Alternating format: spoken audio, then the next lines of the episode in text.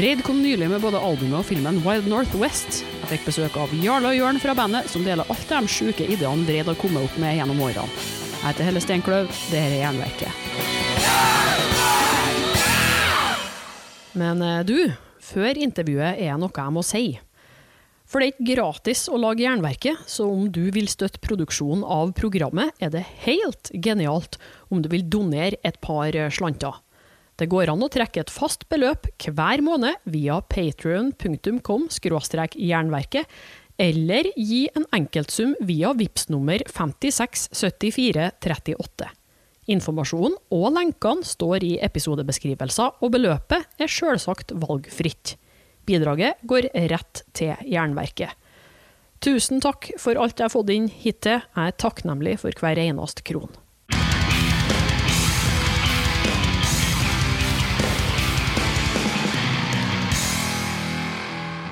Nei, skal vi bare begynne, eller? Jau. Vi, vi, har jo gjort unna koronapraten nå helt i starten, sånn at man, folk slipper å høre det samme igjen og igjen eh, i starten av hvert intervju. det er dette som er interessant. Ja. ja. det, det Fins noe mer å snakke om, egentlig? Liksom, Nei, det gjør ikke. å bli tomt nå, da. Ja. Ikke nå. Nei. Eller heldigvis gjør det jo det, da. For eh, Vreid, eh, som dere to spiller i, har ikke akkurat ligget på latsida det siste året. Så før vi går i gang, så kan du jo begynne å fortelle hvem det er for noen. Starte med det. Ja, det er Jarle. Bassist og låtskriver og altmuligmann i Vreid. Og så er det Jørn, eh, trommis i Vreid, og delvis altmuligmann på administrativ side. Kasserer. Kasserer, ja. Regnskapsfører. Ja. Veldig viktig å ha det òg. Ja, ja. ja, ja. Viktig definerte roller innad i, i organisasjonen. Ministeriet, ja. Det artige her da er jo at um, jeg lurer på om det er 13 år siden sist jeg intervjua Vreid. Uh, det intervjuet har ikke jeg hørt igjen siden. Nei, ikke Jeg begynte å telle bakover nå for å finne ut når var, når var det hvilken sammenheng Jeg tror det var sånn 2008 eller noe i forbindelse med en konsert på Inferno. 8 eller 9. Jeg tror ikke dere ga ut skive det året, ikke? Ja, det kan ha vært åtte eller ni spilte vi på Inferno. 2009, ja, det var kanskje ni ja. på Milorg-tida. Ja. ja, det er mest sannsynlig. Mm. Ja, det er uansett lenge siden. Det er lenge siden, da. Men, men, Jarle, du er jo en av dem, eh, sikkert en av de folkene jeg intervjuer oftest på Jernverket. Ja, altså jeg prøver jo hver anledning jeg, å kaste meg fram om det er festival eller band eller et eller annet. Så ja, ja. man prøver seg. Tons of Rock, vet du. Da mm. er det bare å trykke seg frem. Yes. Og Sist jeg møtte eh, deg, Jørn, det var jo eh, etter Tons of Rock. Det var på scenen på Rockefeller. Ja. Første gangen du skulle være DJ i ditt liv. Ja, jeg kasta meg ut uh, som første DJ på fullt Rockefeller. Da var jo litt sånn ikke hadde jeg utstyret på plass heller, men jeg greide å holde stemningen oppe. Eh, eller hvis si, jeg tror jeg greide det. Ja, det, jeg begynte jo, så da rakk jeg i hvert fall å vise deg at uh, bare ta opp den knappen her, så ja, går det bra. Det var egentlig da, Du hadde en sånn 30 sekunds crash course ja. i uh, DJ på, på scenen der. Så var det, over. nei, det var nok. Press play on tape. ja, det var press play on tape. Spille slagere. Ja. Jeg, jeg, skjønte jo da fort at det er mer jobb enn å bare stå her og late som du spiller musikk. Det skjønte jeg, men det gikk overraskende bra til å være lite trening. Men du har du har vel digga ofte før, da? Turnébussen? Turnébuss, Da blir det en annen setting. Uh, men ja, uh, ja, jeg er jo glad i å spille musikk. Launchmeisteren på, på turné, da. Så, uh, men det er jo helst ja, runde to på kvelden. Sånn, hvis vi andre begynner å spille musikk, og så tar Jørn over på klokka bikker tre-fire. Da, da, så han har jo litt DJ-erfaring. Ja. ja, da går det mest i Aqua og Britney Spears og sånn. Så, og da tar du det over anlegget på bussen? Ja. ja. ja. Mm. Ja, men Det er viktig også å avreagere litt etter at man har spilt uh, black metal og rock'n'roll og sånn hele tida. Så må du ha litt 90-talls-dance. Ja, absolutt. Ja. Det er okay, Britney Spears er kanskje en, overraskende, er en uh, overdrivelse, men uh, Nei, det går mye sånn retro Liker å spille sånn retromusikk. Michael Oldfield og den Dolly Parton og sånt. Det er ingen turnébusser med metal-band som ikke har spilt Jolene med Dolly Parton, vil jeg tippe. og de som er uenige, får sende inn i kommentarfeltet eller hva det skal Ja, men det, det, det, er nesten utelukkende. Jeg tror ikke vi har vært med ett band på turné, norsk eller utenlandsk, som liksom setter seg ned i turnébussen og blaster black metal eller death metal. Det skjer jo ikke. Men, men det virker som alle sjåførene, tror jeg, eller spesielt hvis du er på festivaler og slikt, da, og skal ut og bli henta på en flyplass i en uh, gammel van som egentlig ikke er kjørbar lenger, og raser går på motorveien i 156 km i timen, da er det jo helst gammel death metal første demoen på sprakene på anlegget. For det, da tror da de fleste sjåfører at det er det du absolutt ønsker etter lang flytur. Så det setter stemningen. Altså, når vi da spør etter Oldfield eller det kom en en gang og spilte faktisk Pink Floyd til oss, og da ja, Nå begynte å grine nesten. Endelig en som skjønte det. Herlighet. Se at latteren min jeg ble så høy at jeg må skru ned meg sjøl. Men eh, vi må jo eh, begynne på starten, da, siden det er såpass lenge siden vi snakka med Vreid. For historien begynner å bli noen år gammel nå. 2004 starta eh, greia her. Kan jeg bare kort gi en intro her? De fleste burde ha vite De burde ha vite men bare kort.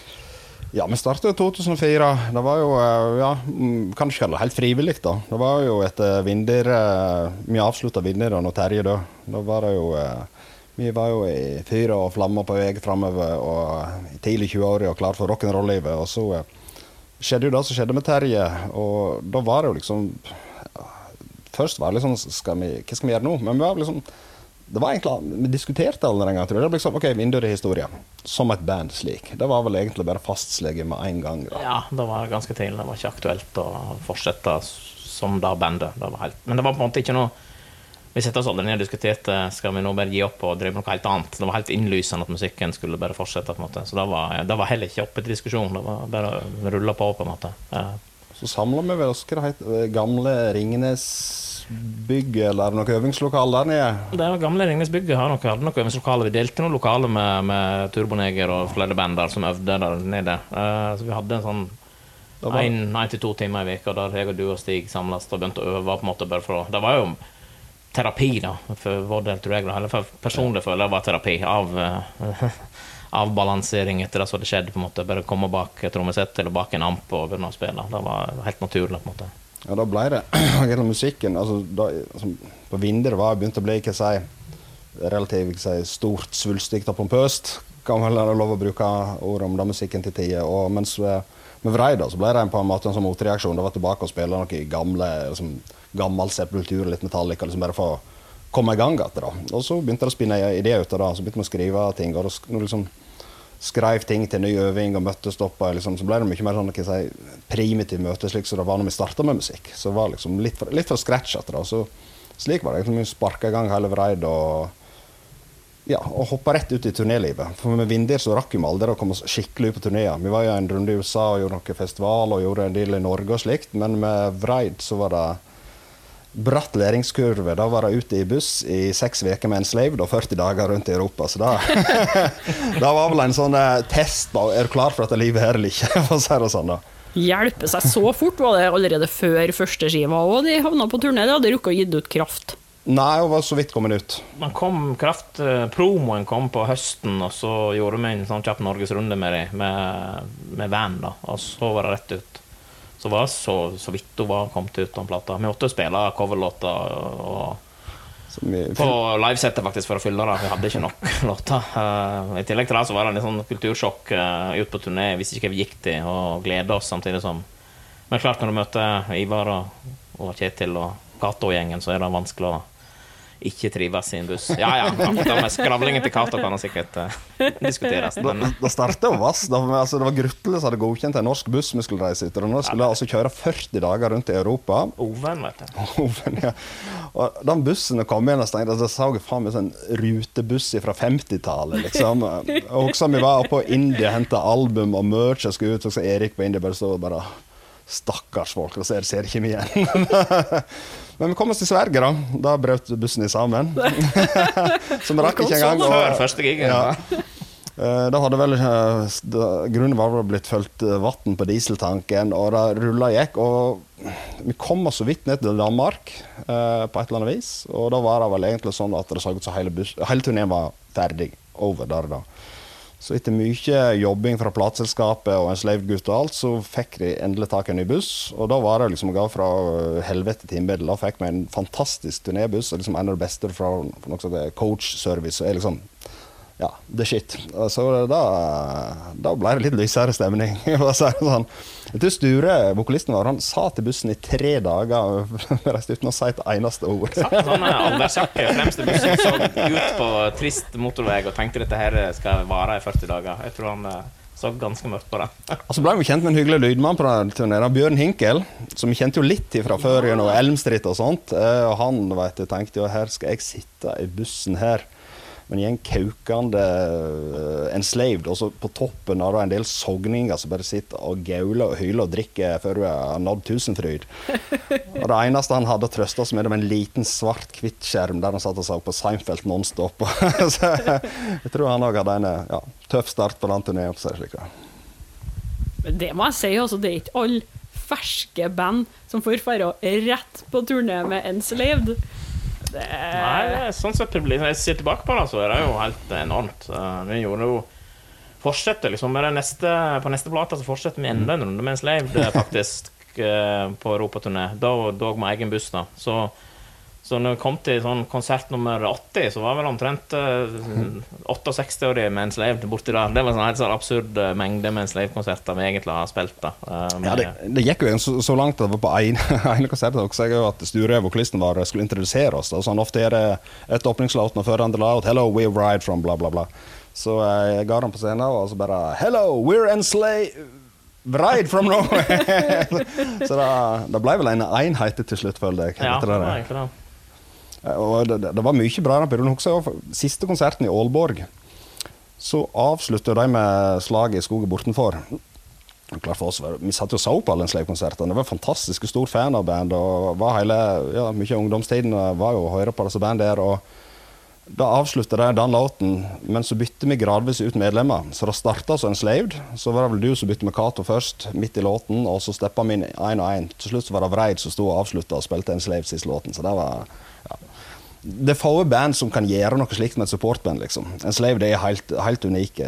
Ofte skal jo hovedbandet vise at de er hovedband, og ting skal være du skal ha fire øl, og du skal ha to øl, og ikke ett, og den maten der. og Det er vel noen band som oppfører seg slik, iallfall, men en Slave er stikk motsatt. Det var bare rett inn, ta vare på oss. Eh, de har like rettigheter som oss. Bare prøv å oppføre dere. Så trivelig. Ja. Det var liksom ikke Eller det skal ikke jeg si, da. For det kan du Kjetil, nei. Ivar, nei da. Det er helt uber, uberbra folk. Jeg har jo like god kontakt med dem den dag i dag. Så jeg snakker med Grutle, eller melder med han to-tre ganger i veka omtrent. Så det er jo Det er ingenting å utsette på i den gjengen borte. Har du vært på turné med dem igjen etter de to første skivene deres, da? Hatt noen runder Norge. Norgeskonserter har vi hatt to runder. Senest for to og et halvt år siden med en Slave og Galsvurd på høsten, da. Det er det to og et halvt år? Nå ja. blir koronaforvirra her nå. Her ja, det er vel to-tre år siden, i hvert fall. Familieband, rett og slett. Ja, det, det er litt en si. Ja, det er jo det merkelige her, at dere da Dere hadde jo da rukket å spille i Vindir, selvfølgelig, så sikkert fått deres tørn med rare konserter og dårlige forhold da, men det er jo ikke normalt at et helt ferskt band bare skal gå rett på storturné med en gang uten større problemer. Det Nei, det kom. og det hadde jo òg med at vi hadde plateselskap som jobba i lag med dem og laga noe der. Altså. Men så var det òg at vi var villige til å investere i det. Altså, når du reiser så, så ferskt band, så, så, må du jo på en måte hoppe i det. Altså, jeg og Jørn spurte inn ganske saftig med penger og alt vi hadde spart opp for å bli med på dette. For det er jo det er nå engang sånn dette sirkuset er. Det er en inngangsbillett. da. Og det, det, det, er jo helt naturlig å være på det, for at en slave hadde et navn vi var helt fersk, så å si, i den sammenhengen der. Og da må du på en måte ut og jobbe og bevise det, og håpe du greier å selge litt merch og plate, slik at du ikke kommer hjem igjen helt ruinert fra dette. Og det ble jo en bra ting, slik sett. Og det, har vi egentlig gjort siden den gang, at vi på en måte alltid skyver et prosjekt før oss, sånn at vi, vi, vi har ikke tatt en krone med noe helst før altså Har vi et overskudd til en turné, så går du rett inn i neste. Og hvis den da gjør det bra, så kan vi ta ut noe og sånt, men vi skal alltid ha ja, det skal ligge en mulighet framover. Planlegge en tur fram, ja. ja. Sånn at en har penger på bok til å kunne, hvis det kommer et godt tilbud, eller hvis en sjøl har lyst til å finne på et eller annet sprell, så har du den midlene tilgjengelig til å faktisk gjøre det, istedenfor å basere seg på den neste turneen på inntekter. Så det har vi alltid gjort, faktisk. Det tror jeg har lønt seg. Uh, så er det jo hardt arbeid. Da. Det var ikke noe 150-200 konserter før en kan begynne å ta ut noe som helst av inntekter. Du er jo crew, og du bærer jo, du gjør den jobben. Du er jo oppvarmingsbandet. Og det gjorde vi på den turneen der òg. Hadde ikke med noe mer crew, så vi rigga jo scene og gjorde det vi skulle. Sant? Så da må, det, må, du gjøre det. er mange band som kanskje ikke gjør det, som, som tror at du skal bare Hvis du hadde gått ut på en seks ukers europaturné med en slave og tro at du skulle være privilegert som en slave, så hadde du bomma på planken, tenker jeg. Men hvis du legger inn innsatsen, eh, oppfører deg fint og i tillegg gjør jobben, så Stort sett fint. Stort sett fint. Eh, så, eh, så, har du på en måte truffet, tenker jeg. Og da, hvis du gjør det i et par hundre konserter, så kan du begynne å kanskje klatre litt på stigen. Dere har jo spilt en del konserter etter hvert òg. Er det noe de har gjort, så er det jo vært ute og spilt og turnert. Og jeg vet ikke, Har de vært på lengre turneer med hver skive? Ja, det har vi. Så, sånn, etter hvert album så er det jo alltid én, av og til to europaturneer. Eh, og på de fleste nå siden 2009 så har det òg vært en uh, USA-turné. Uh, så det blir jo ja, sånn alt mellom 30-40 til 70-80 konserter per album. da. Det er jo litt festivaler innimellom. og nå det senere året så har det jo fått blitt uh, Japan, Mexico og en del andre ting som vi har begynt å få reise rundt på. Så det, det, blir mye, blir mye reising der det har. Hele veien, egentlig. Og det er jo et mål for oss. Vi har jo, det er for vi liker det. da. Vi, vi er jækla glad i det. Men klart, vi er jo alle driver med andre ting. Alle har jobber, alle har familie. Vi har en haug med unger i dette bandet. Eh, så, så, det blir jo på en måte Du må, du må like dette livet og så prøve å tilpasse det. Men med så har det alltid blitt en sånn greie at vi, vi, reiser ikke ut for at vi må tjene penger til dette bandet. Det er ikke noe vi må gjøre. Ingen som tvinger oss. Det er ikke noe som ringer sånn nå må Vreit reise på turné, eller så skjer slik slik. Det er jo bare fordi vi vil. Og, så vi har blitt litt mer privilegert gjennom året. Vi kan faktisk velge litt turné og gjøre ting vi har lyst til. Og, så, og da blir det jeg tror det blir såpass skal jeg si, lystbetont å komme seg ut hele tiden. Det er er samme vennegjengen helt siden vi var småunger som fortsatt spiller lag og får reise ut gjøre det vi har mest lyst til. Og da, da sier, sier mange andre band på veien som er mye mer slitne. At det er en jobb, det er en ting du må få endene til å møtes, og du skal ha, og folk krever ene og andre av deg. og det liksom, Da skjønner jeg at det ikke blir så jækla moro lenger. Men da hadde vi havna der, så tror jeg vi hadde gitt oss, rett og slett. Jeg har for en sånn god referanse. Vi var ute på tur i 2001 med, med Belfegård fra Østerrike, som er en kjempebra gjeng. Og de um, siste konsertene så snakka jeg mye med Martin som spiller trommer og han var liksom helt gira på Han lurte på hva jeg skulle nå neste Hva jeg skulle drive med etter helga, liksom. Så spurte jeg hva du skal da. Nei, Han skulle sove på øvingslokalet i fem dager før neste turné. Uh, prøve å få vaska noen klær. Altså, øvingslokalet der de omtrent hadde brukte bind på veggen. Det er den gjengen der. Uh, da spurte han meg hva jeg skulle. Så jeg, jeg vet hva jeg skal på mandag. Jeg skal hente i barnehagen, og det gleder jeg meg så sinnssykt Så da var det, Han skjønte ikke den, da. Men poenget er det, der som er hele clouet. At du er hjemme så lever du så normalt. Og har, den gangen var barnehage, nå er du blitt store unger. men du gjør det normale, sant? og så da eh, litt energi, gjør nye prosjekt, og så plutselig kommer det en ny turné på tre-fire uker, og så gleder du deg til det, sant? istedenfor at du går opp på hverandre. Så det tror jeg det er den balansen som er nøkkelen til, og i tillegg til at du har vært barndomsvenner med hele gjengen, det er òg et absolutt pluss. Har ikke skiftet ut medlemmer og henta inn sessionfolk i øst og vest. Da tror jeg òg er sånn Nei, Dere har vel bare gjort ett bytte, og det var gitarist, og det var jo kjentfolk, så Ja, ja, det var jo Stig da som uh, valgte å, å, slutte da, og det var jo mer for at han, han flytta hjem til Sog. Vi, det var en periode vi ikke skulle reise ekstremt mye, og ble, for han ble litt vanskelig å kombinere det følte han. og da eh, gikk vi tilbake til Stian, som hadde vært vindier. Uh, som var helt naturlig å få inn og han, måte, han var den første som fikk unge, så han hadde vært gjennom en litt sånn etableringsfase. For han hadde nok vært litt vanskelig i oppstarten. For da når vi starta Vreid i 2004, da var det jo ikke Altså, det, det, var jo et litt, litt annet liv, for å si det mildt. Det var De første årene der var prega av mye festing, galskap og herjing. Det, det, var altså eh. Det var deltidsjobb og ingen unger, så da ja. sier det seg sjøl at det ble mange kvelder og helger. Ja. ja.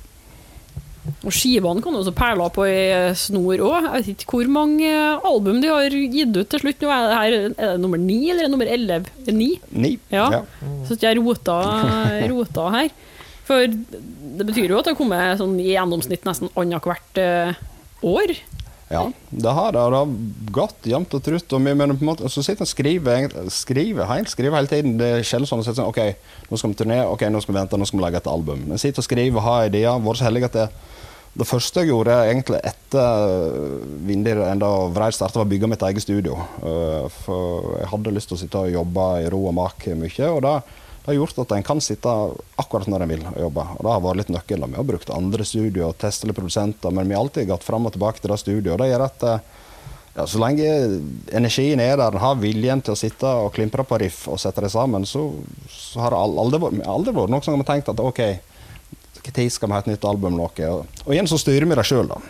Det er liksom, eh, Vi har ikke noe plateselskap som maser nå må gjøre ditten og datten. Altså det, vi bestemmer, og så får de beskjed når det skal ut. Det er stort sett alltid en preprod i, i, omløp. Uh, satt og hørte på, på turnébussen i USA i 2009, så hørte jeg, hadde jeg i hvert fall halve neste plata på preprod og øvde på, en måte på den mens vi var i USA. Uh, og Det samme gjorde jeg egentlig seinere, på 2012-2013. Sånn, så hadde jeg liksom synt intro av låt Riff som skulle komme på Solveig-plata tre år seinere omtrent. Så den har nå plukket meg fram til det. Sånn, så det alltid går den låta og svirrer på preprodet. Så det er alltid materiale tilgjengelig. på en måte Så det er ikke sånn at en avslutter så det er helt tomt og blankt, og så skal vi begynne. Det, det går bare sånn fortløpende. Så er det, kanskje livredde for å ta pauser, da. Hva skjer sånn da, liksom? Da, så, men eh, så er vi blir rastløse. Kjeder seg fort. Og så er det liksom Jeg mener jo det altså Det er jo det, altså jeg elsker å være på turné og alt. Og da, selv, det å være i studio og spille en plate er litt kjedelig, syns jeg egentlig. Det må jeg, men, men, eh, men da sitte og skrive ting det, også i lag og høre de første ideene der altså, Jeg kan jo ikke fatte hva annet jeg skal bruke tiden på. akkurat da, så det men jeg forstår det som at det er du som skriver veldig mye av eh, det alt. Vred gir ut? Ja, alt? ja, ja, du må jo si det. det. Det får jo sine former, men det er jo, låtskrivingen er jo innlysende. Ja, så du kommer bare med skissene på bordet til resten av gjengen og sier 'her, spill trommer på det'. Ja, det, ja, jeg lager nok alt, all musikken og tekstene og alt det gjør jeg, men jeg, jeg, skriver ofte ganske sånn grove skisser, av og til litt mer ferdige låter, men så er jo Jørn inne med en gang, så han på en måte setemeny. Og det som er så greit, jeg slipper å liksom lage noe altså, trommegreier. Han får bare en gitar, han, så han hører på en eller linje, og, sånn, så, og så sitter vi og har vårt eget språk og eget spill, sånn og sånn, og så er det alltid referanser. Gjør litt sånn Dead Skin Mask der, eller gjør uh, Scream Blood Go der, eller gjør altså det, det, er slik vi på en måte snakker lag, og så kommer han opp med ideer, så lager vi uh, demoer. Og så sender vi til de andre. Så uh, deres bit blir jo mer at uh, de er jo utrolig mye bedre musikere som gitarist enn jeg er. Jeg er ikke i nærheten av å på en måte teknisk spiller det som de utfører. Så de sitter mer og raffinerer og jobber litt mer sånn. Og så øver vi lite grann, men ikke så mye. Prøver å unngå å øve for mye, og så er det rett i studio, regel. Mm. Men så er det igjen at vi har spilt i lag i 30 år snart, da, så gjør at en er En veit En trenger nesten ikke å snakke i lag, liksom bare, det er bare sånn En veit hvor en vil hen. Så er det mer i, i studio da, at vi sitter og pirker litt på ting, da, men det, det flyter jo ganske ja, der har vi begynt å Vi spiller jo inn, spiller inn eh, live tromme og gitar i lag. Sant? Vi sitter i samme studio i samme rom og ser på hverandre og har litt livefølelsen. Sånn at det ikke er bare tromme med gitar på øra. Det er faktisk to gitarister som spiller det live inn. Så, og hvis gitarsporet er OK, så beholder vi det. Sant? Hvis, sant? Så da betyr det Minus er jo at eh, hvis trommene stopper, så, må, så krasjer jo alt. Sant? Men det ville det gjort uansett. Så så da har jo ført de to siste platene at det er mye mer sånn levende følelse når du sitter tre stykker i studio, og, sitter direktøren på andre sida inne i kontrollrommet med sine direksjoner, hvordan han hadde tenkt han skulle høres ut. Men uh, uansett, det er litt mer sånn live-følelse i studio. For det, jeg har opplevd at det kommer live, og så Oi, hvorfor gjorde ikke dette på innspilling? For dette høres tøffere ut. Du er der, for du er ofte tidlig i prosessen i studio. Mm. Og så kommer du i live, og så den markeringen der skulle jeg hatt på plata, men de greier å fange opp når du sitter i studio og gjør det live. Så du får mer den levende følelsen. Det høres mer ekte ut eh, i mine ører, i hvert fall. Så vi bruker ikke tusenvis av timer i studio, da, med andre ord? Det er Nei, det er tre-fire dager med Det er to dager med trommer ofte, på åtte ja. maks. Siste plata spiller vi vel inn i altså alle gitarene og trommene på fire dager i studio. Ja så var det gjort. Så, men så bruker vi deltid etterpå da, med liksom å jobbe med litt eh, melodier, solo, vokalarrangement og teste litt de tingene der. Da tenker vi med mer ro og liksom endrer med selve grunnstrukturen, det som er, er metal. det, det skjer der og da. og da. Nesten Dark Throne. Nei, jeg er jo ikke der, da. Men, ja. ikke helt. Vi prøver neste gang. Så kryper imot ja. klokka si på Dark Throne-tid. Ned mot to dager maks. ja, ja, Fire er vel langt forbi old school. Ja. Men altså, de, de, har jo gitt ut såpass mye skiver nå at vi rekker liksom ikke å ta for oss hver eneste plate i løpet av en kveld. Å, nei, da måtte vi laga en, en Vreid-serie. Men jeg kan jo spørre hvilken plat frem til nå er de minst fornøyd med, og hvorfor det? Ja, si det. Jeg må tenke litt, for, for det, ja, det, er ikke noe jeg liksom, tenker så mye for hva jeg er mest og minst fornøyd med alltid, men Nei, uh, Som highlight så er vel kanskje andreplata, 'Pitch Black Brigade'. Uh, jeg liker godt enkeltspor, men det er noen låter jeg ikke er, så happy med der. Så hvis jeg må trekke fram ei, så er det den for min del, egentlig. Rett og slett. Jeg tror kanskje jeg havner på den samme, eller så havner jeg på uh, Welcome Farewell-plata. Ikke fordi låtene er dårlige, mer fordi Milorg var så viktig for oss. Og V-plata var skillet når Stian kom inn og gjorde helt fantastisk arbeid. Og da, det var et eller annet der som det, det var ikke sånn at det gikk sjumilssteg fram på neste plate. Det er mer den følelsen jeg satt når du kom ut. da. Men når du hører på plata i dag, så er jeg jo stolt av den, like stolt av den som mange andre. da. Men, uh, men det er det også merker du kanskje noen plasser, det er litt mer situasjon du var i sinnsstemning, timing, og gjør at det, noen plater husker jeg bedre følelse for at du kanskje var på en bedre, bedre, plass i livet på ting rundt deg. At du har bedre minner rundt det. Så det gjør at du liksom Ja, eh, slik føler jeg det ofte. At det er litt mer sånn situasjonsbetinga. Men uh, stort sett fornøyd, men jeg føler liksom alltid at vi kan gjøre det litt bedre. da, det, det, det gjør jeg. Men det, men det, er jo noen album som jeg liksom solgt der og bare Dette er, de føler en er perfekt. Så en har to-tre som jeg har liksom tenkt Her, her er det, liksom. Det klaffer skikkelig, så det er jo en god følelse. Men uh, det forandrer seg gjerne litt over tida, og hører etter, så jeg ikke alltid mener det samme. For Det varierer jo litt på tematikken på hver skive òg. Det er ikke det samme det skrives opp og ned om. Det er jo uh, alt fra det gamle norrøne til andre verdenskrig og lokalhistorie. og hvordan, hvordan går det frem når du skal finne ut uh, hva skiva skal handle om. Vi må snart nærme oss nye plater, men uh. Ja, nei, det, altså, det går veldig mye med magefølelse der og da. For jeg, nett som med, musikken, så sitter jeg og skriver litt på tekst og skribler litt i blokka mi her, og der. Og, og så, så, blir det liksom ofte det former seg en idé, da. Og, og, så bare velger jeg å gå for den, uh, uten å analysere altfor mye. sant? Uh, fikk veldig sånn på, uh, på I krig og Milor-platene. Da var jeg veldig, fikk lyst til å bare ta for meg hele den perioden og skrive om det tematisk. Sant? Men når jeg har gjort det på to plater, tenker jeg at vi kan ikke bare fortsette, vi må inn på noe annet igjen. Da. Og da, for meg er det jo det er historisk betinga. Det er jo det jeg har likt hele livet, og det er det jeg har studert. og Det er liksom der det føler jeg har noe som jeg bryr meg mest om. Da. Og da plukker jeg egentlig bare nye ting. og jeg føler, altså, Det er jo så masse å ta at jeg føler at det er ja, det, er ikke vanskelig å finne nye ideer, det er bare, men det er litt tilfeldig hva en ender opp med. Det, det er magefølelsen der og da, og så kjører en bare på. Og med det så må vi jo nærme oss uh, den nye plata, for når dette her slippes, så har det kommet både skive og film. Og herrene uh, går jo hånd i hånd, så jeg vet nesten ikke hvordan vi skal dele opp her. Tror, jeg tror ikke vi trenger å dele det opp, egentlig. Uh, Wild North West Eh, og jeg må innrømme at helt siden jeg leste tittelen, så har jeg hatt den her uh, tittellåta fra Wild Wild West med Will Smith på hjernen. Da håper jeg. Det var litt uh, Når vi kom opp med det sjøl òg, så var det den første tankene som streifa meg, så uh. Det var det, Men jeg er ikke det er gøy, da. Hvis en finner en tittel, så bare Hæ? Altså er den litt sånn, og Hvis du har en eller annen link eller assosiasjon mot noe helt annet, og gjerne hvis noe som krasjer eller føles litt feil, da føler jeg det er jo en litt sånn da blir jo tittelen mer, mer, interessant for min del med en gang. Så lenge, hvis det er en tittel som er litt for hva skal jeg si, vanlig metal uten noe rundt, da jeg kan være fornøyd med det, men da, da føler jeg den litt annerledes. Da. Så, eh. Ja, for jeg kan jo si at Førsteinntrykket eh, var Jeg så jo omslaget og alt sånt, og tittelen mm. før jeg hørte musikken og så filmen. Uh, og det var litt sånn her westernaktig skrifttype. og uh, det der med å se helten, eller hva han jo er, bakfra der, og uh, Ville Ville Vesten. Men når du da hører på det, og i hvert fall ser den filmen, så får ikke jeg nødvendigvis dansende piker på saloon-følelsen. altså, det er et vilt nordvest på en litt annen måte.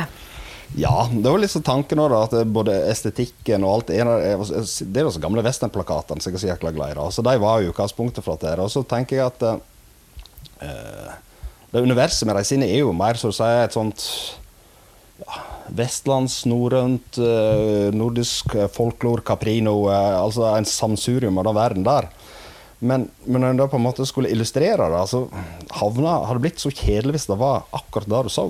Eh, så da satt vi ikke med Remi, som designeren jobber med. Så at, eh, Det er det naturlige. Ut fra det jeg gir deg, så er det det du vil begynne å tenke på. Men jeg vil at folk skal få en litt annen vibb på dette, litt annen estetikk. Og det gjør at det er kanskje litt mer sånn litt mer forvirrende, litt mer åpent og litt mer leikent. Og så eh, ble, jeg hadde jo en uh, ren sånn gammel westernplakat, en du, klassisk duellplakat. Så jeg tenkte det er den her, men inn mot at det vetle vestlandske verden vår, så prøver å kombinere dem. Og så er det huset du ser bakom. Det er jo litt morsomt. Det er jo da huset til uh, far til Andreas Tylden.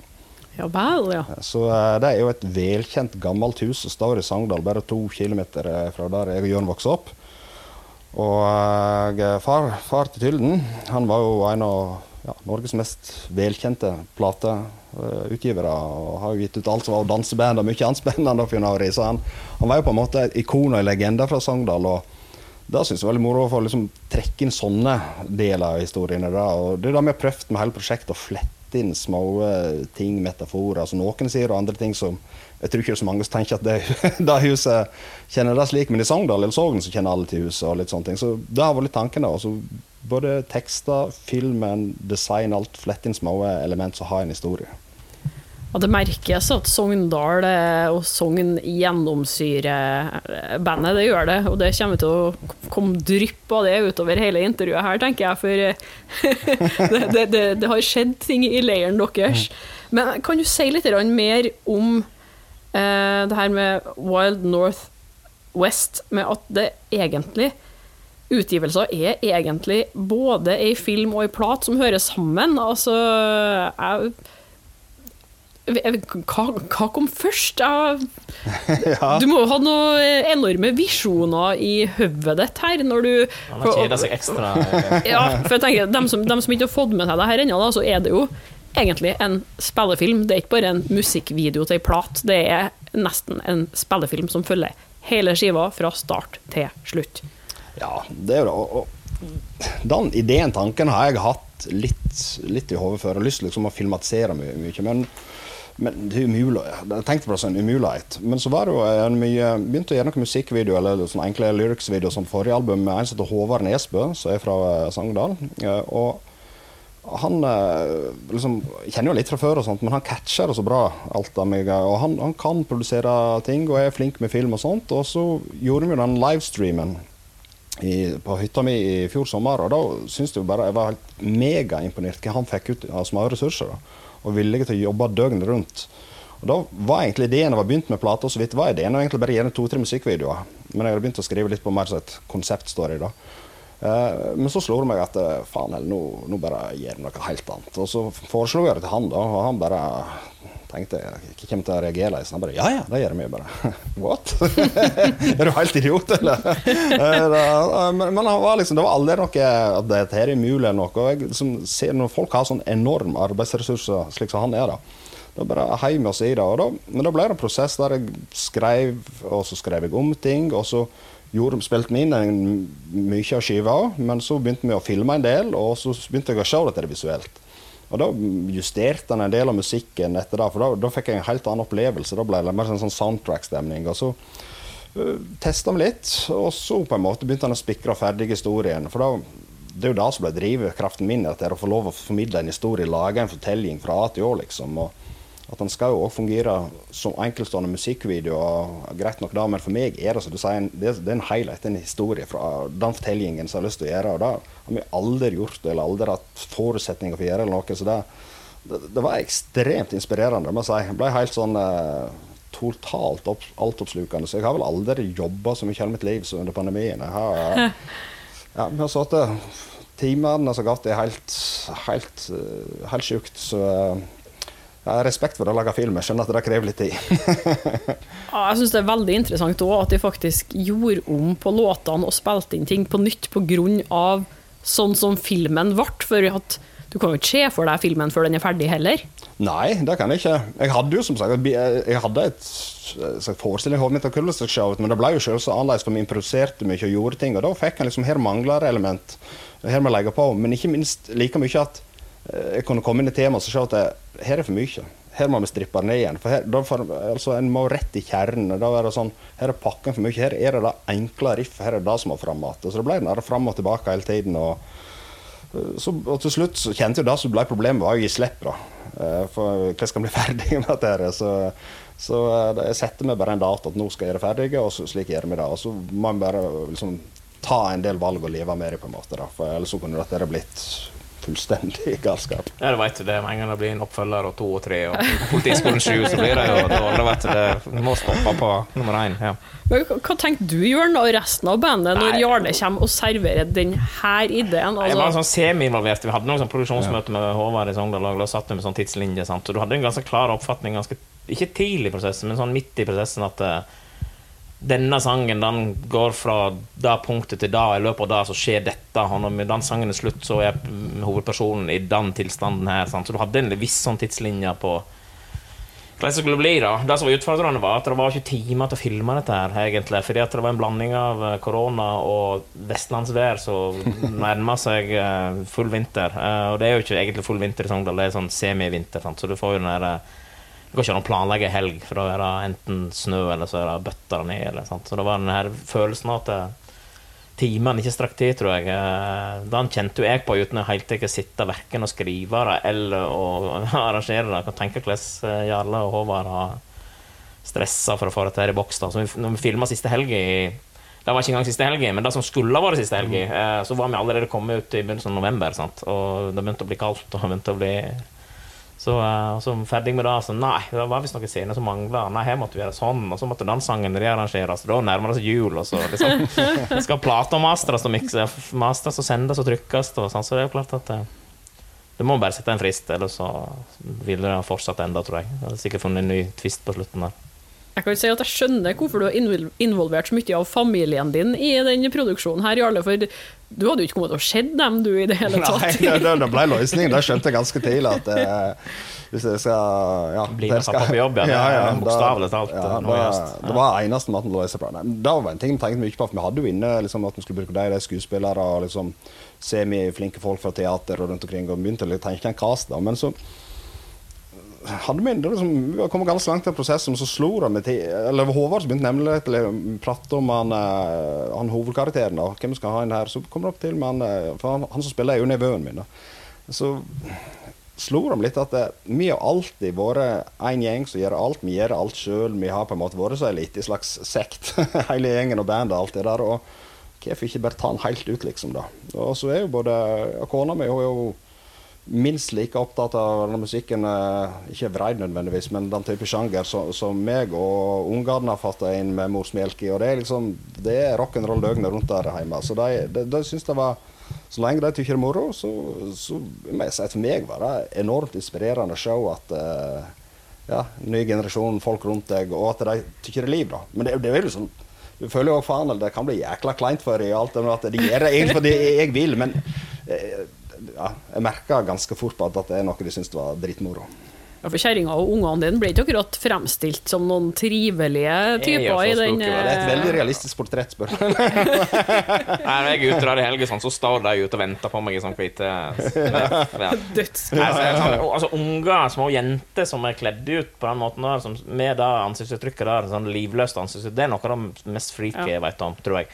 Handler sikkert om at jeg er oppvokst med poltergeist, og, og jeg ser for meg at det bare forsvinner inn i TV-skjermen bak her. Så det er et eller annet mer, det. Er noe av det mest creepy jeg vet om. Og det traff jo innertier. Det er ikke vits å leie inn folk til å gjøre dette. De gjorde helt maks. Så Altså, Det lente jo veldig på Håvard. Vi testa jo litt, sant? og han ville også og han var jo, så det må jo være klar hvis du ser at det nok ikke funka. Men han ble jo heller stikk motsatt, så han skrev jo inn de mye mye mer enn det egentlig var tiltenkt i begynnelsen. Så det var han som var en pådriver. da, da, da stolte jeg veldig på han for at det liksom eh, Du må bare ja, sette den i foten hvis noe ikke funker, og sånne ting. da. Og han er veldig klar og direkte på det. Han trenger noen som ja, tårer sterkt å si imot at nå er du fullstendig på villsporet og bare skjerp deg. Liksom. Så de, de, de tingene der er jo det er bra å ha noen som eh, jobber slik når en hiver seg i løs med slike galmannsprosjekt. Jeg tror det kan være viktig.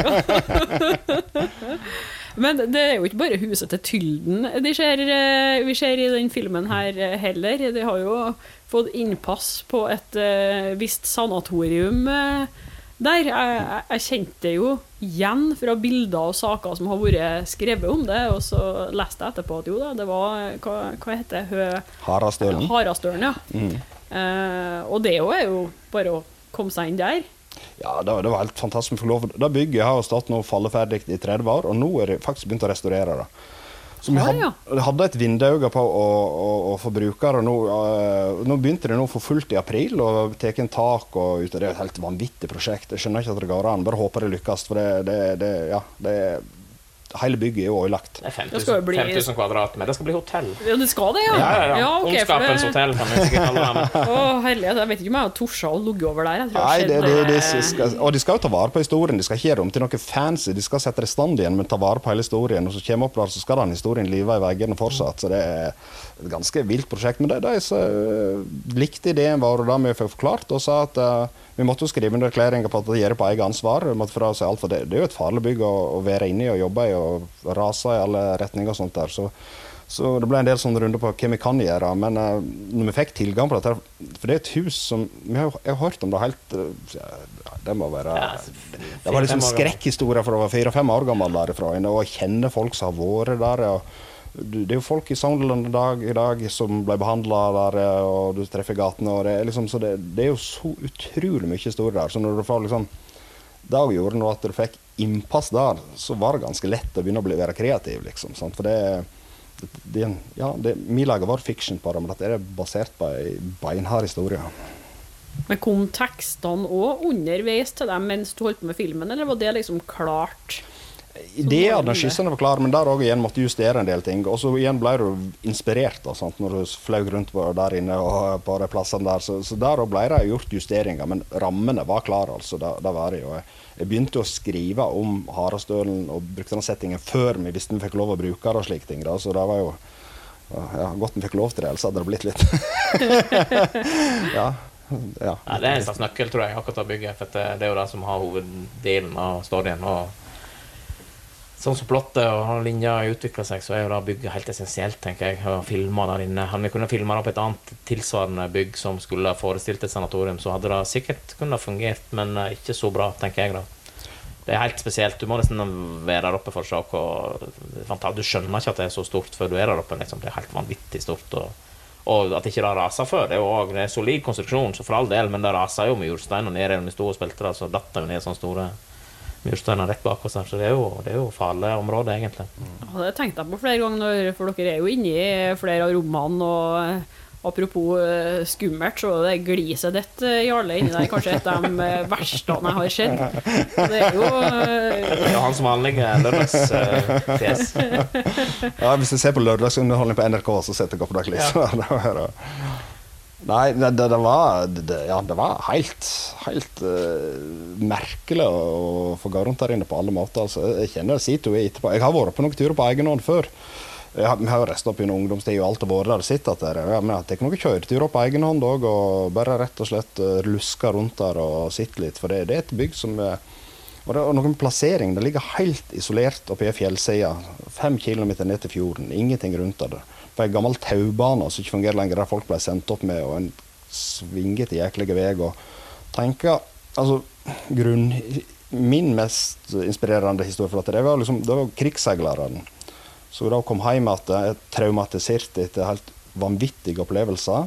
Og så blir du sendt opp på en slik plass er, der du det var nok mye gode intensjoner òg, og mange fikk hjelp. Men òg veldig mange ble liksom Det var den ukuelige truen på at frisk luft og fjellsider kurerer alt her i livet. Og en del alternativ behandling som vi har vært flinke til i Norge fra 50-, 60- og 70-tallet. Som jeg tenker, De skjebnene at du har gått ifra kanskje noe mest skremmende et menneske kan oppleve, og så kommer du opp der, og dette her er kuren, liksom. Så eh, Nei, det er Og så er det er det ikke så lenge siden. Det er liksom ikke, Vi snakker ikke vikingtid. Det er ikke, når jeg skal tilbake, det er ganske nærme. Det, det gjør det mye sterkere. jeg. Nei, det er utrolig mye historie. Jeg ble litt da jeg kom opp der, så hadde jeg, jeg min oppfatning Jeg òg vært oppe der på, på egen, egen hånd i mellomtiden, eller før, men jeg var mye yngre. Men eh, jeg drista meg til en sånn eh, kveldstur eh, med Når, når jeg skrudde arbeidslampene, så tok jeg på meg sånn hodeløkt, og så gikk jeg tur-retur tur, kjellergangen og første etasjen mellom litt sånn Blair Witch eh, Gikk ikke så langt. Jeg gikk noen meter bort i gangen og så tenkte jeg nei, det er dette vitsig. Da, tenkte jeg. Og da var vi sånn delvis eh, Ikke fordi jeg opplevde noe mer, for jeg tenkte at det, var, det gir ingen poeng. For at eh, Ja, det, For det første er det farlig å gå der, og det er trange ganger, og det er jo sperringer og ting har rasa ned og sånne ting, men det var mer en følelse at det er så mye historier oppe at det er ikke vits at jeg går og trakk opp. Så jeg snudde inn på varmerommet og tok en kaffe istedenfor. Det blir litt prega av å være der oppe, på positivt og negativt, tenker jeg. Føler jeg har fått sagt veldig mye om både skiva og filmen nå, uten å nesten avsløre noe som helst, og det Ja. Ja, det, det, bør folk bli frista. ja, det er jeg veldig glad for. Da, eh, I masse mye intervjuer og slikt, så er det liksom, hvis en skal for langt inn og prøve å forklare hva som skjer, så mener jeg det er hele, det er en ting jeg egentlig ikke er interessert i. For det, å sitte og overforklare til det mener men jeg nå har vi laga film, tekst og musikk, så det får jaggu holde. Ikke mer igjen å forklare.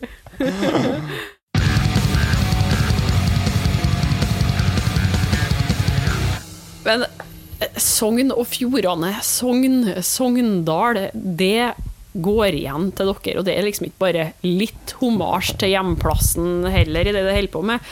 Eh, nå har vi jo snakka mye om Wild Northwest-plata og filmen.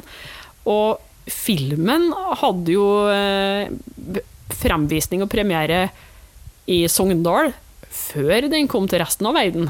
Det må du si litt om. Ja, vi var der helga. Kom eh, oppe og eh, Altså Planen var faktisk å sette den opp på flere kinoer rundt omkring. Og vi skulle egentlig reise ut og gjøre noen visninger. Eh, såpass optimistiske var vi i november. Og sist og sist var i gang og sette opp et par byer ut og sånt. Men skjønte jo det ikke det gikk. Og så skulle vi sette den opp i Oslo og Sogndal noen plasser. Og Oslo fortsatt stengt. Men da ble det kulturhus i Sogndal, da. Og det, det var jo jækla stas, må jeg si. Det er jo Der har ikke vi vært før.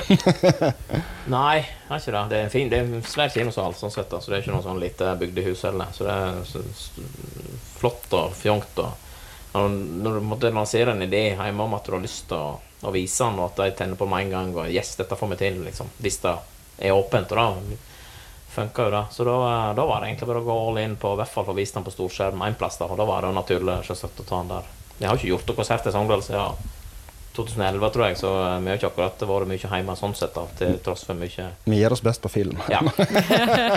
Men de sørger for at ha ikke glemmer dere. Da er vi voldsomt opptatt av. Ja. Det var stas, og det var første gangen at Kulturhuset på en kino fikk ha skjenkeløyve, og vi reiste hjem igjen. Det er jo ikke så mye korona eh, greier der, altså det har vært veldig skåna og sånne ting. Så det, det, det var liksom det bare liksom, Du følte at du var med å treffe folk, og det har merch. og liksom, Det var liksom den der, eh, ja, Fikk den feelingen. Og så ja, må si, vi har fått fantastisk støtte hjemme i innspilling til film, til alt. Folk liksom har vi har på en måte byttet litt på, på Sogn og er stolte av det. Og veldig kjekt at det nå begynner faktisk lokal som er mer og mer og ja, er stolte av dem òg. Og det er blitt en veldig positiv vibb rundt det vi driver med hjemme. da.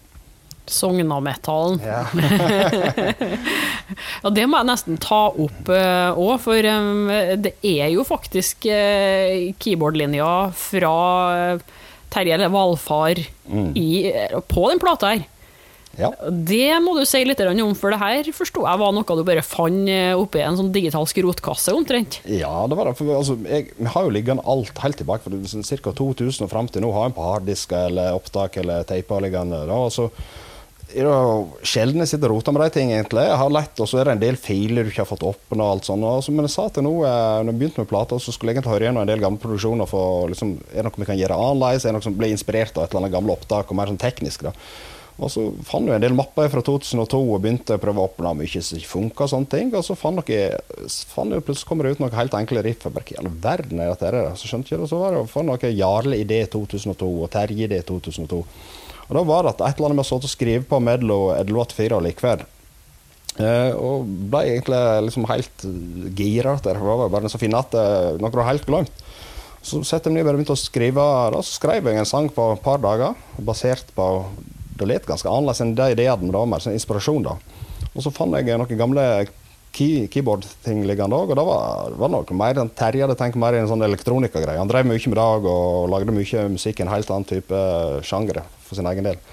Og, uh, men det passet perfekt inn, og vi lagde en demo av det først. Uh, så da ble jo det jo litt sånn eh, Når jeg kom dragende med det opptaket der, så var det jo litt sånn Ja, hva var dette, liksom? Nei, ja, det var det opptaket. Jeg var jo helt sett ut. Sendte det til meg på sånn Messenger-greie. med Bare filma skjermen, så kom det sånn lyd. Jeg skjønte, kjente jo at lyd med en gang. Sant? Det var, den her, det var umulig å ta feil, på en måte.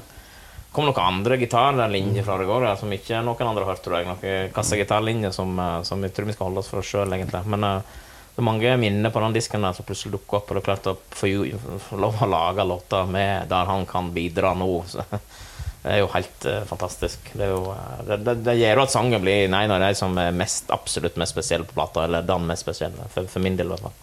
Og når jeg hadde det, jeg tenkte, så ble det veldig viktig for meg å skrive den virkelig som det var en Winder-sang. I stedet for liksom å prøve å ha litt element og ja, si at det er liksom eh, litt inspirerende. Da, ble, da, da setter jeg liksom, nå, nå, skriver jeg en låt som jeg er i 2002. Da var tankegangen da, liksom. Ja, det skulle jo låte Vindir når du først laga den. Eh, den var jo litt av tanken, tenker jeg. da. da... Så eh, Nei, det ble en, det en, og så er det mange livets tilfeldigheter. Så to uker før dette der, så hadde jeg ikke drømt om at det skulle ende opp slik. Og, men når jeg kommer over sånne ting, så, så tykker jeg det må liksom bare skrote vekk andre ideer og fokusere på det, det skjer kommer der, da.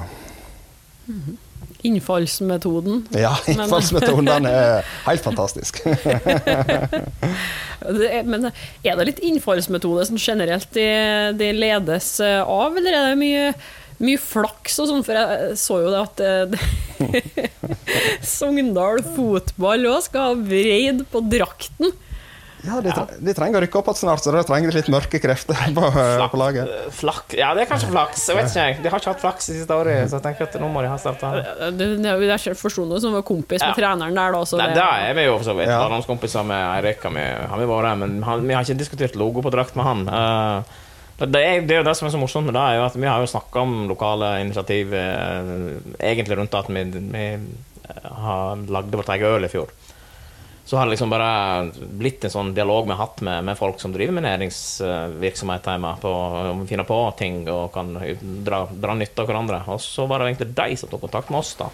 Ja, vel. Og spurte om ikke du kunne få et møte med oss. Og så når de da ringte på Teams, så var det første setningen var da 'Vi vil ha en vreid på drakta'. Og da trodde jeg egentlig at han eh, daglederen eh, egentlig bare tulla først.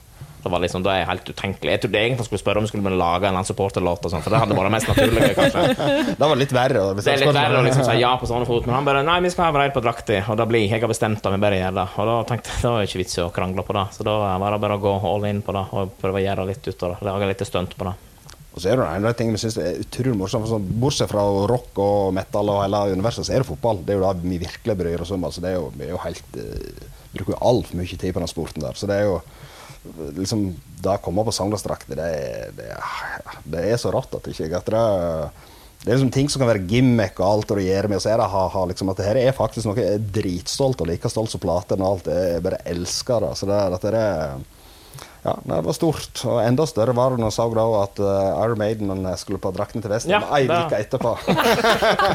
Dere var før Maiden? Det ja, da, så fikk noen litt hint her. Liksom. Det, da var jo ekstra moro. Da daglig leder i Sogndal Fotball ble ringt opp fra engelsk radio da de har fått med seg dette med Westham og Maiden, men så har de også plukket opp nyheten at dette skjedde i Norge veka før. så, eh, men det ble jo et helt galskap. Altså, det ble jo TV. det har vært på, Vi har havna på sportsnyhetene i Sør-Afrika og Mexico og USA. og Det er liksom, det er blitt en sånn jeg skjønte jo at folk syntes det er en morsom historie, men ikke at det skulle på en måte til de grader ta av. Men jeg tror òg det, det, er en ganske sterk link mellom, uh, mellom fotball og rock, metal, hva du vil. Så alt har vært der. Det er noe, og det er litt av den samme lidenskapen. Sant? Se på ja, kanskje spesielt Maiden. da, Show, for den followingen der, det handler jo nesten ikke om musikk. Det er nesten som et fotballag. liksom, mm. De sverger til, til, det uansett opp- og nedgangstid og alt. Så nei, jeg tykte det var noe helt uh, fantastisk. Altså, nå må de jo lage, lage låt til laget. ja. Jeg har ikke lovt uh, det vekk, da, heldigvis. Uh, men uh, det er jo Det hadde vært morsomt å prøve, det, innrømme det. Men det er jo farlig territorium, da. Og jeg vet ikke om du kan komme på en to-tre fotballåter som måtte svinge og Kanskje Nei, jeg tenker meg på sånne. Det er vel en dansk fotballåt fra 86-VM som jeg har på playliste på Radio Norge eller noe Kanskje. Ja, det er mye bra, altså. Det blir fest på Uleborg, masse mor Ja, men, ja, men altså, Rosenborg-sangen til Dag Ingebrigtsen, for all del. Skal ikke kimse av den. Den er Ingen som glemmer den. Nei. Så det er jo en, en bra låt, sånn sett. da En bra, godt skrevet låt. Uh, jeg setter jo ikke på den hjemme, ja, men, men uh, likevel. Sogndal og Sogndal Nei, jeg vet ikke. Nei, kan du, kanskje du skal lage ja. Jeg får lyst til å spille i band vet du, og snakke med dere, så jeg tror jeg må begynne å bli Svart og hvit og Rosenborg. Ja, Hvis vi skriver, så kan du komme inn og kore. Så kan du få en uh... Rosa drakt og Nei da. ja, men det er strålende. Og du nevnte jo øl òg, og det er, jo, det er jo ikke første bandet som gjør det, da. Nei. Men uh, man skal jo lage en øl som er god òg, og jeg har ikke uh, vunnet og smakt den engang, for det har ikke akkurat vært noe plass å gå ut og drikke øl i det siste. Ja. Men, uh, men, men det òg var jo artig, for det er et lite bryggeri, er Balder, forstår jeg. Ja, vi, vi har fått noen forespørsler, og flere som har snakket om det. Vi har tenkt på det sjøl at det er klart det er en morsom ting. Vi er jo ja, vi liker øl. så det, men, men så botner det litt i at Stian, gitaristen vår, han, han driver brygga og brygger i årevis. Og han er jo han er alt, Vi har hatt med oss øl på turné og greier. Liksom. Det, det, er bra vet du, å reise ned til Tyskland og ta med deg øl på bussen. Det, men, men det var lidenskap for han, da. Og når vi, dette begynte å liksom komme opp litt, og vi skjønte vi kunne gjøre noe Balder, så ble det men da ble det igjen at Stian reiste jo ut på bryggerier, det er hans oppskrift, det er han som brygger der ute sammen med dem, så det er liksom ikke bare å hive etiketten på et eller annet. Det var en ting som og det er jo litt viktig for oss da, at det er en uh, greie som vi liksom står inne for helt. da. Så, uh, men det har jo funka bra, så uh, det er ingen grunn til å ikke fortsette med det. Nei, nei, nei. Stian lager øl, og vi drikker det, så det er helt, helt topp. Ja, altså Det var ikke sånn begrensa opplag. Den her kan vi fortsatt få tak i.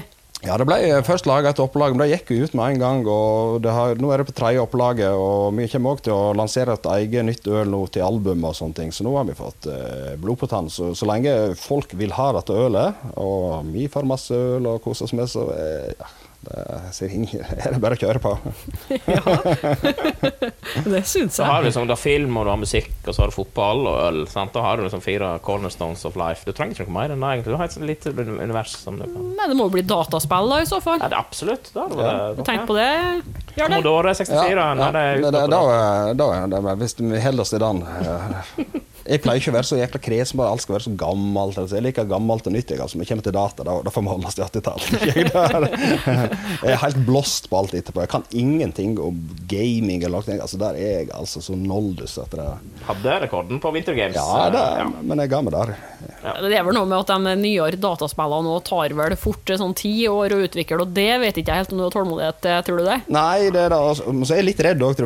Litt redd for å bli oppslukt av den verden der. Da, da tror jeg at eller kanskje det da skal til for å senke utgivelsesfrekvensen på Brave. Det er gaming. altså, det tar jo ti år å utvikle, men det tar ti år å spille ferdig òg, så du blir, ja. du blir, jo 70 før du er ferdig, sikkert, hvis du begynner nå. ja. Nei, vi får holde oss vekk fra det.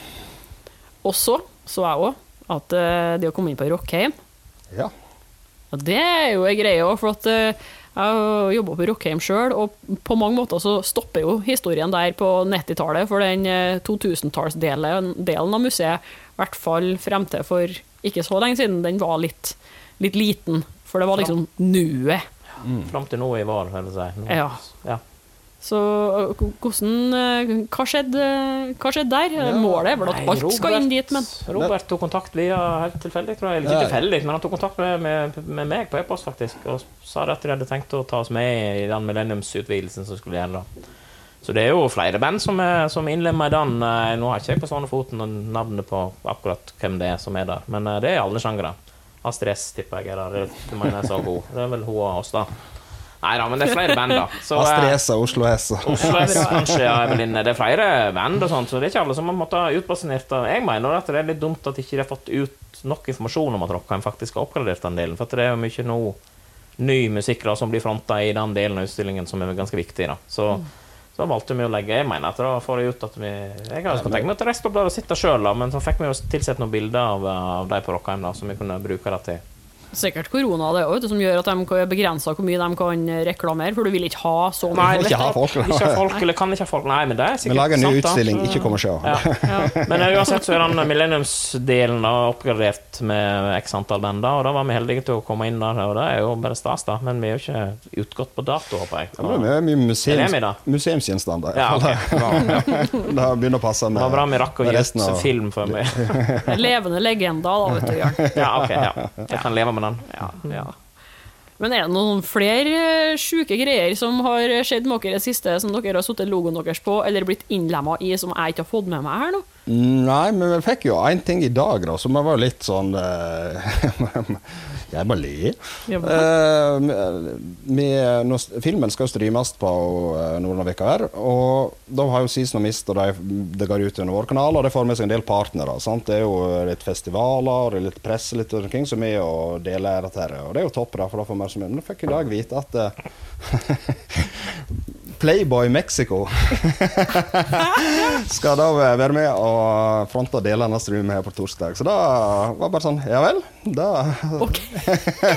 Jeg veit ikke mer hva noen avtale innebærer. Men uh, flott, da. Playboy. Det har vi òg med på lista. Så Det nok et kryss i boka. Ja, det blir spennende, da. For Ja. at når eh, denne poden går på lufta, så har jo alt dette her skjedd. Så da kan det jo hende at det er nytt stoff å ta til eh, Når vi får se hva som har skjedd med Playboy Mexico. Da. ja, vi får, vi får vente og se.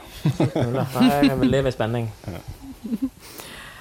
Men eh, kjenner jeg deg rett, da, Jarle, eh, og ut fra det jeg forsto på deg og Jørn, så er det jo allerede nye ideer på gang om ikke eh, Kanskje ikke har rukket preprodda den gangen her og demoer, men eh, går det an å avsløre noe om hvor veien går videre? Altså, Hva kan du gjøre for å toppe film, eller skal du bare gå litt tilbake til det gamle og være litt slapp? si det. Kles, jeg har begynt å skrive riff, da.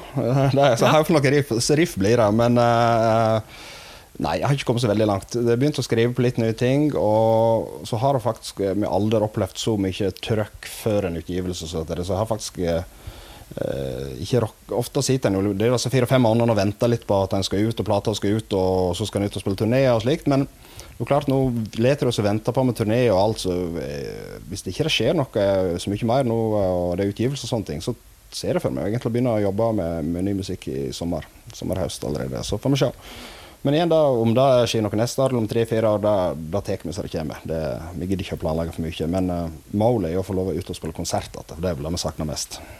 Men øh, ville det vært aktuelt, altså hvis det nå skulle være sånn da, at det ikke er mulig å feire på turné før om to år, ville det da vært aktuelt å spilt skiva i sin helhet, eller hadde slipp eh, da, eller ville det blitt rart når det er så lenge siden?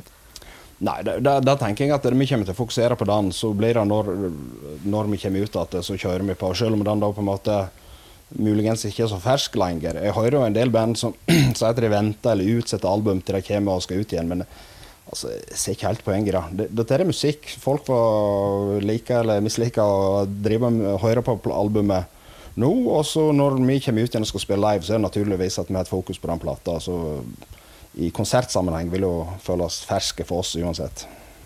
Jeg syns jo det er greit, egentlig. Jeg har hørt eh, skiva før man er på konsert, for at, eh, det er jo aldri siste skiva man liker best når du er på Ja, konsert. Da En, den en så vidt begynte å bli litt glad i forrige skive, kanskje. ja, det er sånn der, «Å, jeg kjenner igjen en låt, jeg tror den var på forrige skiva, men jeg vil bare høre det første. Jo, jo, men det er jo slik, og ofte reiser en jo på turné før albumet nesten er utkommet en gang. Det er jo etterpå, sånt, og mange har ikke fått det med seg, og det har gjerne ikke fått satt seg, og slike ting. Så det kan jo hende det har blitt annerledes nå, for det, det er jo en greie, da. Det er ikke tvil om det, at en alltid går litt tilbake i katalogen. Jeg skal jo selvsagt alltid høre det, men, alt da, men en, eh, en, et album blir jo ofte si, det mest sterkeste etter en runde eller to senere. Det er jo da det virkelig får vokse fram. da. Nå kan du jo unnskylde meg at det faktisk er med ei låt fra 2002 her òg, så det er jo så demo som det kan bli. Da. Ja, ja.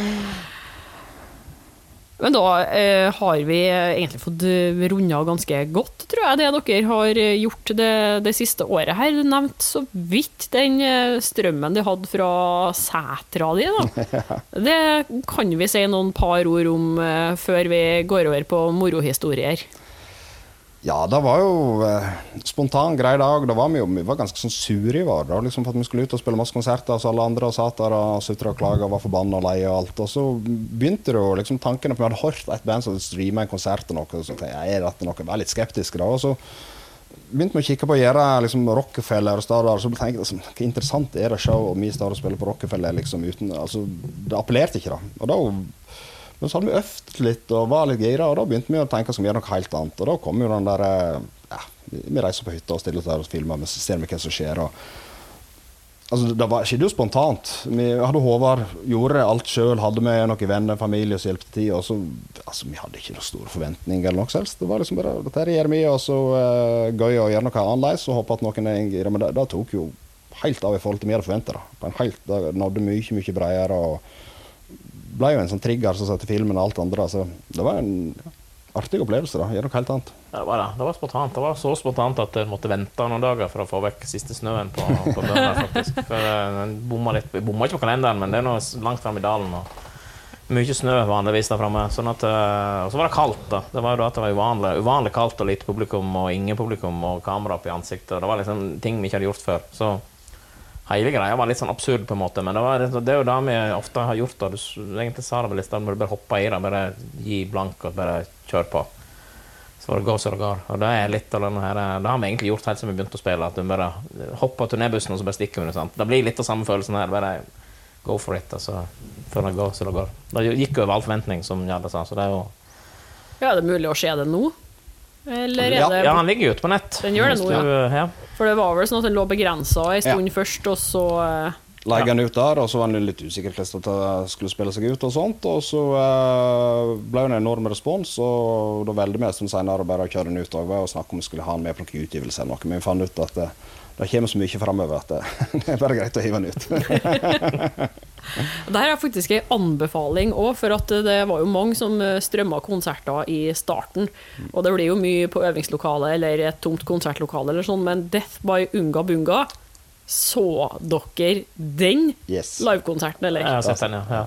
Fantastisk. Ja, det, det anbefales til alle. Altså, hvis de skal se Vreid, så kan du se den etterpå. For det Absolutt. Helt enormt. Utrolig kreativt. Ja, det var ja, Hvordan de fikk det til å fungere, det forstår ikke jeg. Ja. Altså, det var en live westernfilm. det. Ja, det var imponerende. Det, og det kommer noen jeg må si det, som har gjort noe. Jeg så jo Behemot sin, som var også, si, veldig gjennomført og annerledes. Jeg koste meg på nyttårsaften med Kiss. da.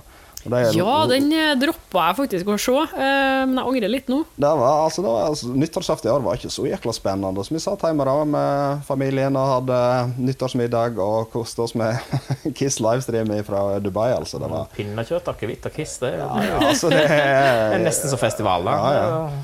Men Jeg tykte igjen det, altså Kiss gjør det alltid på sin måte, men liksom, da gjør de det største da, som de alltid skal gjøre. Og dette var jo faktisk helt stort. Det var helt vanvittig. Det var en helt absurd produksjon. og så hadde noen få hotellgjester som satt og kikka på oss. jeg likte det liksom, det er igjen noe uventa, en helt annen setting. og det er da, Om det er stort eller lite, ikke så nøye, men det er for å gjøre noe litt annerledes syns jeg er jækla gøy å se. Vi får håpe at det kommer noen flere sånne nå eh, før, eh, før ting åpner igjen. at det, det virker noe som vi må vente en stund før det blir mulig å ha noen normale arrangementer. Så det blir artig hvis folk klarte å bruke kreativiteten litt. Torsa. Absolutt. absolutt. En, eh, til slutt så må vi jo innom det vante punktet, og selv om dere allerede har delt livlig av en del gode historier, så, så må vi jo grave inn i eh, eh, Spinal Tap, eh, fylle, humor, eh, gal fan, sjuk turné, eh, opplevelseboksen. Og det, når dere har spilt såpass mye live som dere har, så tror ikke jeg noe på at alt bare har gått knirkefritt, og at dere ikke har noen morsomme historier dere flirer av dere imellom. Nei, eh, k- hvem det vi ville ha? Hvem var kategorien når du nevnte? Nei, du kan er- jo plukke ut to stykker, da, eksempel. Nei da, det, er- det er mye. Men det er liksom det, det vi satt og pratet om litt eh, her i dag når vi har gjort noen andre intervjuer liksom, og det som å komme på det der, da, men det har vært mye Hva skal en angripe liksom? Nei, jeg vet ikke hva historien vil ha. Jeg. Det er mange, mange Vi kan, altså, kan, sånn Marduk-turneen har jeg et par uh, Vi var ute Marduk i 2007, lang turné med det. Fantastisk turné. Bandet jeg elsker og respekterer stort. Og bra folk å reise med. Da, uh, men uh, vi ble jo veldig glad av å være på turné med dem. Og så var det sånn reiste fra by til by, og så kom vi til Barcelona. Og det er nok liksom Alle blir glad i Barcelona. ja, da, det, det var desember, vi reiste og bada, og det var ut, og skulle ut etter konserten og på restaurant Grauvin, og stor stemning. Og det tok jo helt av. eh, Og så var det jo sånn klokka fire-fem om natta så skal jeg rulle videre til Madrid. eh, strag, Og da kom inn. Marduk Unleashed var på turneen òg, og stor stemning i bussen. Eh, og de uh, får vel og la seg på morgenkvisten, da, men at her, da hadde vi liksom den feeling midt i turneen. At nå går det på skinner, mye folk. Alt er bare gøy. Så vi bare fortsetter å, å feste og feste og feste. Så var det vel denne sånn i Jeg kom fram til Madrid klokka to-tre om dagen. Da var det en turnémenneske inne og sa at nå, nå tror jeg at de går og legger dere. Så da var det litt sånn hjelpe folk i seng og si at nå er det slutt. Eh, så det var nå greit nok, da. Det var litt lenger enn pleie. Men så blir vi vekk, da. Sånn halvtime før vi skal på scenen. Og, eh, og der eh, Altså, det er en så dårlig forfatning at det der kan ikke gå bra. Men prøver å kravle oss inn, og kommer inn i Madrid. Og Marduk er store. 700-800 mann står der. Fullsatt sal. Det var helt smekkfullt. Og det er bare for, dette blir helt fantastisk. Og vi greier nesten ikke å stå på føttene, kommer inn der. Og går opp på scenen og begynner å prøve å spille. Ingen soundcheck eller noe. Ikke det er helt jævlig. Livredd alle i salen. Og begynner å se den i, ja, der står jo jeg i min lyseblå dongeribukse og har glemt å ha på meg noe som helst. Og, fin, og noen flotte, lekre joggesko med litt spragende farger stemningen bare feller mer og mer, så er det vel du eller Stig som begynner å spyr på scenen? Jeg var, hadde en runde bak i trommeriggen på å finne ei bøtte kjapt. For jeg, var jo, jeg var jo, måtte jo kjøre på fullt øs med ikke helt kroppen i form. Så det var jo en forferdelig start på, på rett inn og begynne å spille. Det var helt krise. Det er verst, du gjør jo ikke det. Det er ikke det første du har lyst til å gjøre når du våkner på søndag. og hive deg bak trommesettet. Så, uh... så, vi hadde vel 40 minutter vi fikk spille på turneen, og etter 25 minutter eh, så takka vi fint for oss. Tusla slukåra og scenen.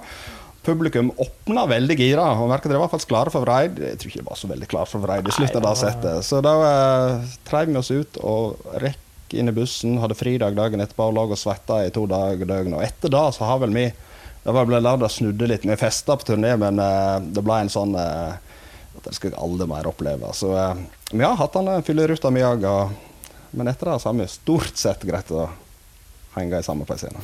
ja, stort sett. Jeg, jeg, håper for publikum sin del at eh, minimum Marduk eller Unleashed klarte å spille sammenhengende i mer enn et kvarter. da. Marduk det spiller usammenheng nei, sammenhengende uansett. Er, jeg har aldri sett et større maskineri på veien eh, som bare går rett opp på scenen. De kan sitte rolig i en sofa bak og drikke et par pils, og så går det en intro. Så har ikke vært på scenekanten, så er det på med instrumentet, bong, rett på.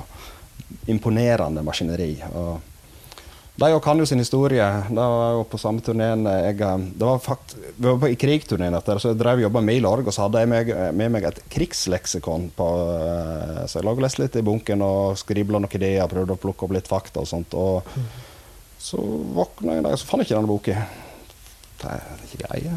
Så ligger den en plass, lette litt rundt, jeg var litt småirritert. Så gikk det Tre-fire dager, så kommer Morgan fra Marduk inn. Bom! Klasker boka i bordet. sånn. Mykket bra, men to faktafeil. da strek ut to faktafeil i boka og levert det tilbake. Så da skjønte jeg hadde en liten vei å gå for å ja, nå opp historiske for, ja. ja. Morgan, der har vi en type som er interessert i andre verdenskrig. Ass. Ja, virkelig. Men eh, jeg må si det bandet da har imponert meg stort. Og jeg har sett av flere svenske band spesielt, så han har helt vanvittig approach til det de gjør. og en ja, sånn, sånn stamina å stå på, og det er ikke store krav til noe eller rundt det. Det er enkelt å forholde seg til. Det, ja, det ja, the real thing. Det er Marduk, absolutt. Ja, det er full respekt. Kjempefolk og for et band. Jeg så det siste så det var på Tons på et par år siden, eller tre år siden. Helt enormt. Helt fantastisk. Det er, det er aldri dårlig. Marduk er alltid bra. De nevnte India innledningsvis. Da, eller det var kanskje, kanskje før vi hadde sittet på opptakeren. Det. Eh, det er jo såpass spesielt at jeg lurer litt på hvordan det var. Jeg tror du har fortalt litt om det før i en uh, Tonspod-episode, kanskje, men uh, India? Ja. Ja. det er mye å ta av. Altså. Det var bare spesielt, for å si det sånn. Ja. Eller ikke uff. Det misforstår jeg. Ja, det var uff òg, men, det var, men det var en enorm opplevelse. Det var, vi, vi ble jo uh, Altså det var et opplegg lag med Rikskonsertene der vi reiste til India og spilte i lag med indiske dansere og indiske musikere. Eh, vi spilte Vreid-musikken slik som vi gjør det, og så tilpassa de. Og det var en koreograf som satte opp dette, så det var jo en helt absurd forestilling. Men da reiste vi rundt på i store sånn, konserthus der nede og operahus og spilte der nede for folk som aldri før hadde hørt metal. Eh, så det, det, var en helt uh, sjuk opplevelse. Det var ingen som sto headbang eller noe. Helt sånn, de reiste seg opp midt i låtene plutselig hvis det var en gitarsolo, så plutselig sto de og klappa de. da. så det var, det var en uh, Ja. Men det var jo litt moro. Vi ble jo, ble jo uh, ble overvåka av indiske høyreekstreme. Oi. Så for vi, da, vi sa at vi hadde sånn øvings uh, ei uke måtte være over der nede, og da visste vi at det satt noen folk bak i salen der hele tiden. Og så spurte vi hva er dette for noe. Og da forklarte det er det høyreekstreme politiske partiet i India som da er veldig skeptiske til alle utlendinger som kommer inn i, kommer inn i India og driver med kultur og alt det. Så det var liksom uh, hvit mann, eller i hvert fall Ja, Ja, kom han ned her og greier. Så da ble jeg rett og slett Det var litt sånn ja, interessant å se at ja, helt snudd på hodet. Vi var et veldig fremmedelement som egentlig ikke hørte hjemme der. Ja, du er ikke en egen stat før du har noe høyreekstreme og- eller venstreekstreme. Altså. Det...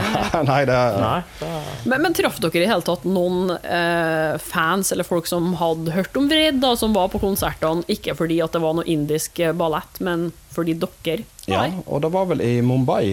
det var et par, par av konsertene det var, det var i Mumbai, ja. Da var det Spesielt. spesielt en sånn liten enklave nede på høyrekanten her som var supergira, som ikke hadde på seg festdrakt. Og, men det var, sånn, det var jo inviterte folk som fikk gå. Det liksom, det er jo et kassesystem der, så det var fiff og kulturfolk. Da. Men der var, i Mumbai så var det en, som en god gjeng som vi så der plutselig satt i Vraid-skjorte og metal-outfit, for å si det sånn. Så det, det satt jo liksom og var like høflige som alle de andre under dette showet. Men når det var ferdig, da, så var det ut og skulle ta applaus og liksom sånn teaterstil. at det er. Og da, da plutselig det full gauling fra den gjengen der. Da slippes løs. Og vi ble sånn Hva, hva skjer nå? Og de begynte mer og mer og ropte på hverandre hele veien. Og da kom jo hit og kra- OK, har dere noe mer jeg kan spille? Så da tok vi jo ei låt uten resten av staffasjen og klinte til. Og da var det full herjing av headbang, og da eksploderte det alle der. Så det, det, var en jækla ja, sprø, kul opplevelse. Så eh, men vi trefte jo òg utenfor venue og slikt. Også masse folk som på en måte var, var metal-fans, da, men siden ikke fikk inn på dette. her, da. Så det var jo litt en øyeåpner at, det- at det er noe helt annet enn det vi er vant med. Ja, her kan i utgangspunktet hvem som helst gå på konsert, ja. Ja. Så, eh, men det var, India var et kultursjokk på alle måter. Det var det, si. Men, men, men likevel stor opplevelse. da. Virkelig noe helt annet. Ja, absolutt. Jeg ville aldri vært foruten, tenker jeg. Men jeg har sverga på at jeg ikke skal ned igjen for sånn, på ferie. For det, det går rett og slett på tre år som ikke elendighet du ser det når du er der. Du, vi kjører rundt med privatsjåfør og bodde på femstjerner og hadde private folk som føler alle på do for å lure på om man skal ha dopapir. omtrent. Det, det er ikke en dikta historie.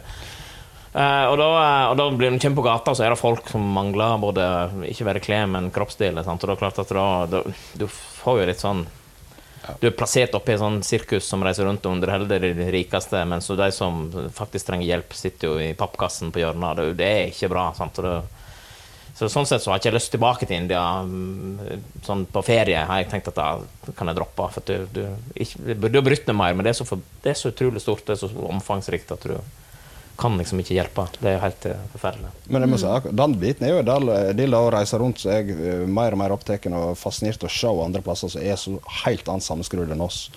Uh, og slik som Mexico, for eksempel, så er altså helt annet, Men på en helt mer sånn positiv opplevelsesmåte. Men det er jo fascinerende. Du, Tykte det var eksotisk å reise rundt i Europa først, og det, men der er jo, det er ikke så stor forskjell på det vi driver med. Men å komme til en del av landet der, eller Japan eller alt, og på godt og vondt, liksom, se, eh, ja, de tingene det, det er en drivkraft dag å få reise ut og få lov å stå og kauke på sogningene i de plassene der. Er det noen land de kunne ha tenkt dere å besøke, da? Sånn at man hadde fått en unnskyldning til å være litt på ferie? Ja, det, det er mange land, da. Men jeg har lyst til å reise mer i Sør-Amerika.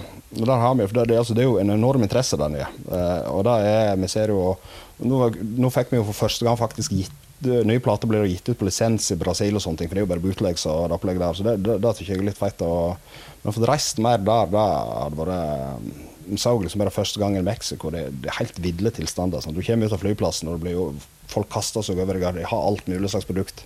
Ikke ekte produkter, men det syns jeg er helt greit. Det, det, altså, du har ikke råd til det, det er ikke tilgang. Det er ikke noe der at det Florida bootlegger Det gjør meg ingenting. Jeg er bare glad for at de får tak i uh, i hverdagen. Du har hørt et intervju med Vreid innspilt i april 2021. Liker du det, kan du f.eks. høre intervjuet med Kor Skorpi. Neste uke kommer 50-årsjubileumspraten jeg gjorde med Junifer Green i 2015. 1965 så tok Øyvind og jeg eh, et lite trommesett og en forsterker og en gitar på rattkjelken og dro over Bensebrua mot Torshov, hvor Bent bodde. Gjør ikke du det allerede, abonner på Jernverket podkast via podkastapp eller gå inn på jernverket.kom. Fortell alle du kjenner om podden, og legg gjerne igjen ei god anmeldelse der du hører. Vil du bidra med noen kroner for at jeg skal kunne fortsette, kan du gi støtte via Patrion eller Vips. Se info i episodebeskrivelser. Husk på å følge Jernverket på Instagram og Facebook. Der er det konkurranser, diskusjoner og musikktips. Akkurat nå kan du vinne Nattefrost-kassett fra Katakomben og CD og T-skjorte fra The Halloween Project. Jeg heter Helle Steinkløv og er nå inn i siste ordinære sesong med Jernverket. Men det blir hardrockintervju hver fredag til og med 2. juli. Etter det får vi se hva som skjer. Vi høres!